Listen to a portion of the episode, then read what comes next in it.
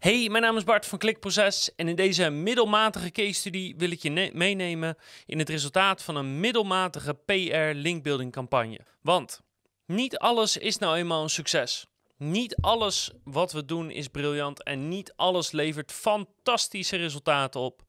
En om het beeld een beetje te nuanceren dat alles wat wij doen echt geniaal is en 100% topscore haalt, wil ik je nu meenemen in een PR linkbuilding campagne die niet heel slecht, maar ook zeker niet heel goed was. En dan ga ik je uitleggen wat we hebben gedaan, waarom we dat zo hebben gedaan, waarom het resultaat is tegengevallen en wat je beter zou kunnen doen dan dat wij hebben gedaan. Welkom bij Klikproces met informatie voor betere rankings, meer views en een hogere omzet. Elke week praktisch advies voor meer organische groei via SEO, CRO en YouTube. Nou, zonder de URL of het, het feitelijke idee te geven, ga ik je toch een heel concreet idee geven van wat we hebben gedaan, hoe we dat hebben opgezet, wie we hebben gecontacteerd, etc. Zodat jij kan leren uit deze middelmatige PR linkbuilding campagne. We hebben een hele leuke klanten bijgekregen in 2020 voor wie we verschillende dingen doen, waaronder strategie, advies geven en een stukje linkbuilding. En een van de onderdelen van het linkbuilding traject was ook een creatieve PR linkbuilding campagne een manier om deze site in de spotlight te zetten, maar tegelijkertijd ook linken te geven die concurrenten niet zo snel kunnen halen en die je eigenlijk maar heel moeilijk kan kopiëren, anders dan zelf ook een creatieve campagne doen, wat de meeste mensen niet doen. Dus we kregen een budget van 2500 euro om een creatieve linkbuilding campagne te draaien. En 2500 euro is zeker niet niks. Het is ook niet een mega budget. Het is gewoon een beetje een normaal, standaard middelmatig budget waar je op zich wel leuke dingen van zou moeten kunnen doen. Dus vervolgens zijn we gaan kijken van hoe kunnen we binnen dit budget nu een leuke campagne opzetten om die klant onder de aandacht te krijgen. Nou, en daarvoor doorlopen we ons complete proces wat we altijd bij creatieve campagnes doorlopen. En we beginnen met kijken van wie willen we linken hebben. Link die überhaupt wel eens naar buiten? En zo ja, naar wanneer doen ze dat dan? En naar wat voor soort sites en op welke manier? Zodat we een beeld hebben van als die sites naar buiten linken, waarom doen ze dat? En kunnen we iets maken wat daarop lijkt of vergelijkbaar mee is, om de kans zo groot mogelijk te maken dat ze ook naar ons linken? Nou, dit, dit hele proces heb ik al in twee andere video's tot in detail uitgelegd, dus dat ga ik hier niet doen.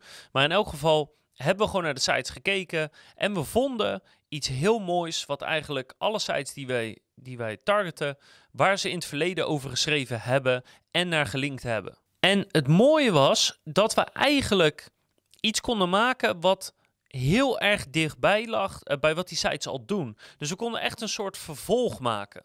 En in heel veel branches komt dat voor. Denk bijvoorbeeld dat aan het einde van het jaar of het begin van het nieuwe jaar, dan gaan er in elke branche gaan wel bepaal, bepaalde lijstjes rond. Weet je, uh, de top 5 tips voor 2021. Of juist, uh, dit was 2019 in een lijstje gevat of in bepaalde cijfers. Of dit is wat um, experts hebben gezegd en dit is de realiteit. Weet je, aan het einde van het jaar komen er altijd afsluitingen van het oude jaar en uh, voorspellingen of trends of zo voor het nieuwe jaar.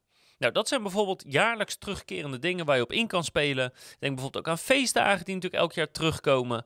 Nou, zoiets hadden wij gevonden bij de sites die we targeten. Dus we dachten, volgens mij, als we het goed plannen, kunnen we daar een heel goed vervolg aan geven. Nou, in, in, dit geval was het zo dat in die branche komen bepaalde cijfers uit. En die komen wel periodiek, komen die cijfers uit. Maar het is heel moeilijk te voorspellen wanneer die cijfers precies gepubliceerd worden en door welke instantie.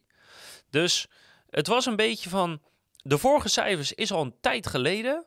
Dus die nieuwe cijfers komen er waarschijnlijk wel ergens in de komende twee, drie maanden aan. Dus we gaan even gokken en we gaan er even vanuit dat die cijfers gaan komen. En daar gaan we dan iets mee doen. Dus wat we hebben gedaan is, we hebben zeg maar de oude cijfers hebben we gepakt. En we hebben gekeken van, wat kunnen we hier nu voor leuk en creatiefs mee doen? Um, hoe kunnen we deze data misschien ombouwen? Of hoe kunnen we het combineren met iets anders? Of kunnen we er mooie visuals van maken? Kortom, hoe kunnen we die data zo waardevol mogelijk maken? En vervolgens natuurlijk, en van naar wie kunnen we dit allemaal verspreiden als we hier een volgend deel van krijgen? Zo hebben we ook een specifiek tooltje gebouwd. Op basis van dus de, de eerdere ja, editie, zeg maar, de eerdere cijfers waar we de cijfers in konden gooien. Uh, ging die ongeveer een uurtje ratelen en dan kregen wij exact de bestanden eruit die wij wilden hebben om bijvoorbeeld een mooie grafiek van te maken. Dus dat toeltje hadden we gemaakt en we hoopten dat de cijfers ja, in hetzelfde opbouw hadden. En dan konden we echt zo snel mogelijk aan de slag. En omdat we de vorige edities al hadden, hadden we een redelijk goed idee van wat voor cijfers eruit kwamen en wat we daar precies mee konden. En dat betekent in feite dat we een heel groot deel van de campagne al voor konden bereiden. Het enige was, zodra die cijfers uitkwamen, moesten door de tool en dat duurde ongeveer een uurtje en dan konden we aan de slag. Maar het nadeel was dat we dus niet wisten wat er dit jaar aan de hand was. Weet je, we hadden de cijfers nog niet. Dus we wisten niet van wat er opvallend is. Of wat er tegen zat. Of wat er meeviel. Of wat wel in lijn lag wat, met, uh, wat mensen dachten. Of wat niet in lijn lag. Dus dat is het moeilijke van zo'n campagne die echt heel erg actueel is, die er heel erg tijdsgebonden is.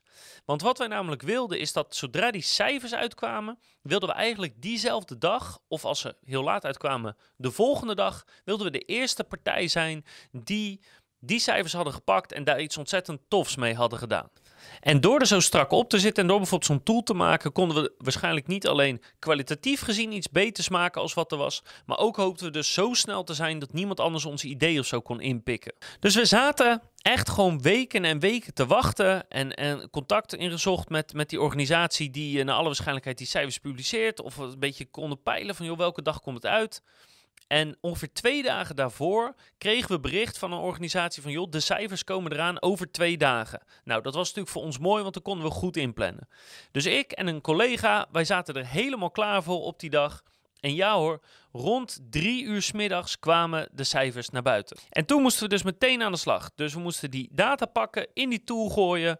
Uh, een heleboel dingen hadden we voorbereid, maar zodra we de data verwerkt hadden, konden we dus daar dingen over gaan schrijven. Want, want wat viel op? Uh, welke resultaten waren goed of slecht? Weet je, dat moesten we daar allemaal ter plekke gaan doen. Dus om drie uur zijn we begonnen met twee man. En om één uur s'nachts hebben we op de verzendknop gedrukt en zijn alle e-mails eruit gegaan om deze campagne te promoten. Dus we hebben echt vanaf dat moment aan één stuk door, ja, op, op even eten na, pizza was het, uh, hebben we zitten werken. En om één uur s'nachts ging de mail eruit en dan ben je heel erg moe maar ook heel erg voldaan. En dan is het spannend van ja, wat gaat die campagne opleveren de volgende dag? En dan hoop je dat de volgende dag om een uurtje of 7, 8 je hele mailbox ontploft. Dus wij gingen naar bed denkende dat er ja, een paar honderd e-mails uit zouden gaan. Maar toen ontstond dus het eerste probleem. Er was namelijk iets heel raars aan de hand met het mailaccount van de klant. We stuurden namens de klant. Die had bepaalde zaken niet geverifieerd, waardoor je heel snel als spam wordt aangemerkt.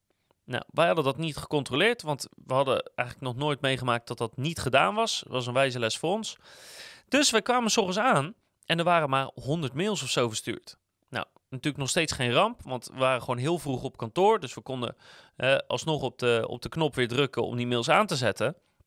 Maar er werd niet echt meer wat verstuurd.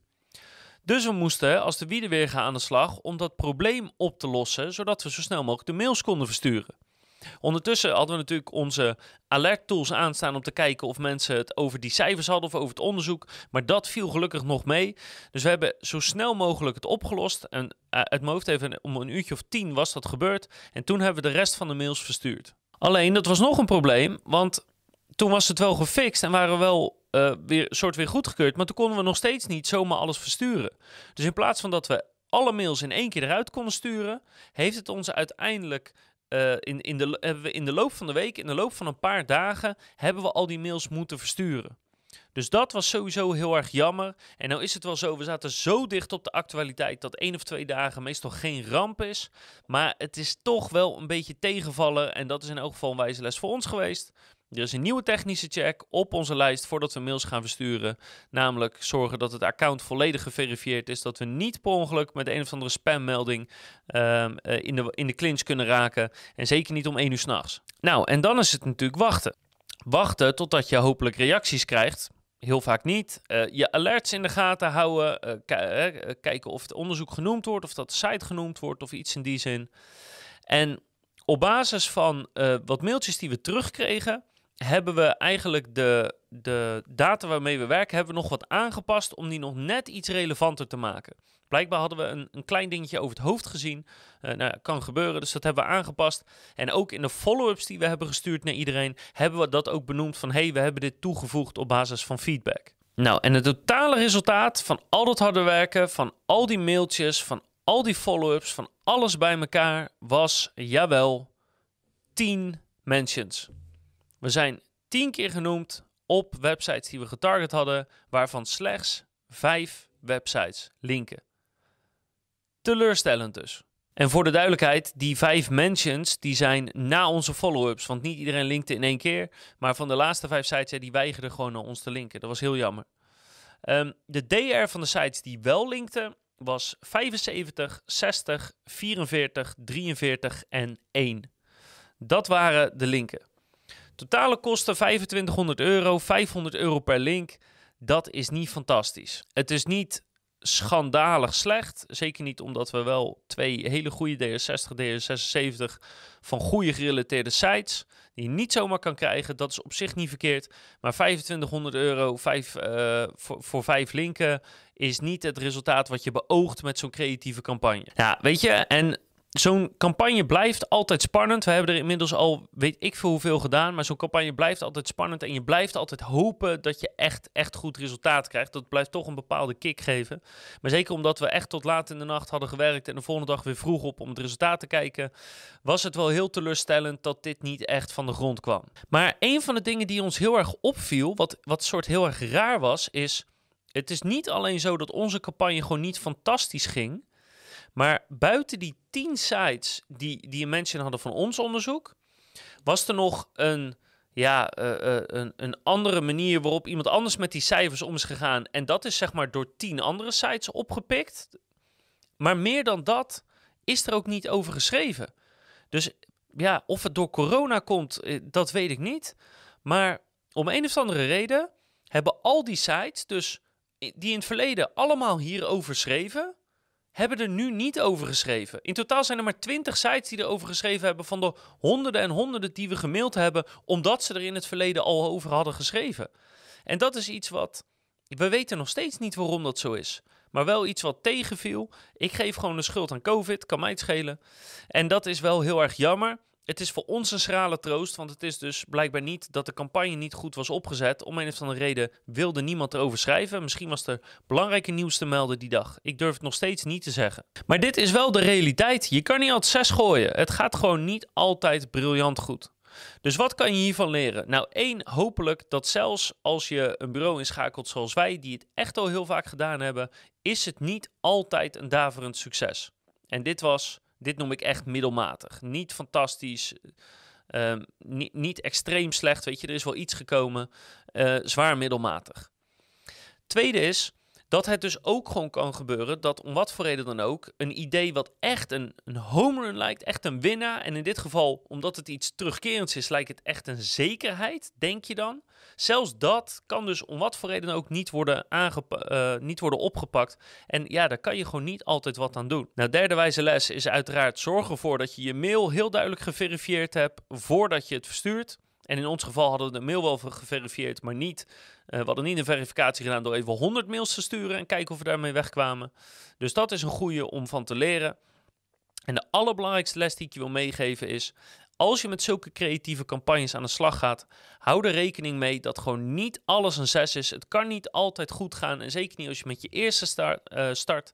Ga ervan uit dat er ergens een campagne wel eens gaat mislukken. Maar dat er tegenover een campagne staat die wel heel goed lukt. Misschien veel beter dan je hoopt. En daar pak je misschien wel 50 of 100 linken mee. Wat we ook al heel vaak hebben gehaald. Dus dat is eigenlijk deze les van een middelmatige SEO-campagne open en eerlijk voor jou op YouTube en de podcast. Ik hoop dat je er wat aan hebt. Ik hoop dat het je ook aanzet tot denken van... hey, dat is eigenlijk wel interessant. Is er niet iets bij mij in de branche... of iets wat ik met een jubileum kan... of met een speciale dag... want elke dag van het jaar is, is een dag die voor iets staat...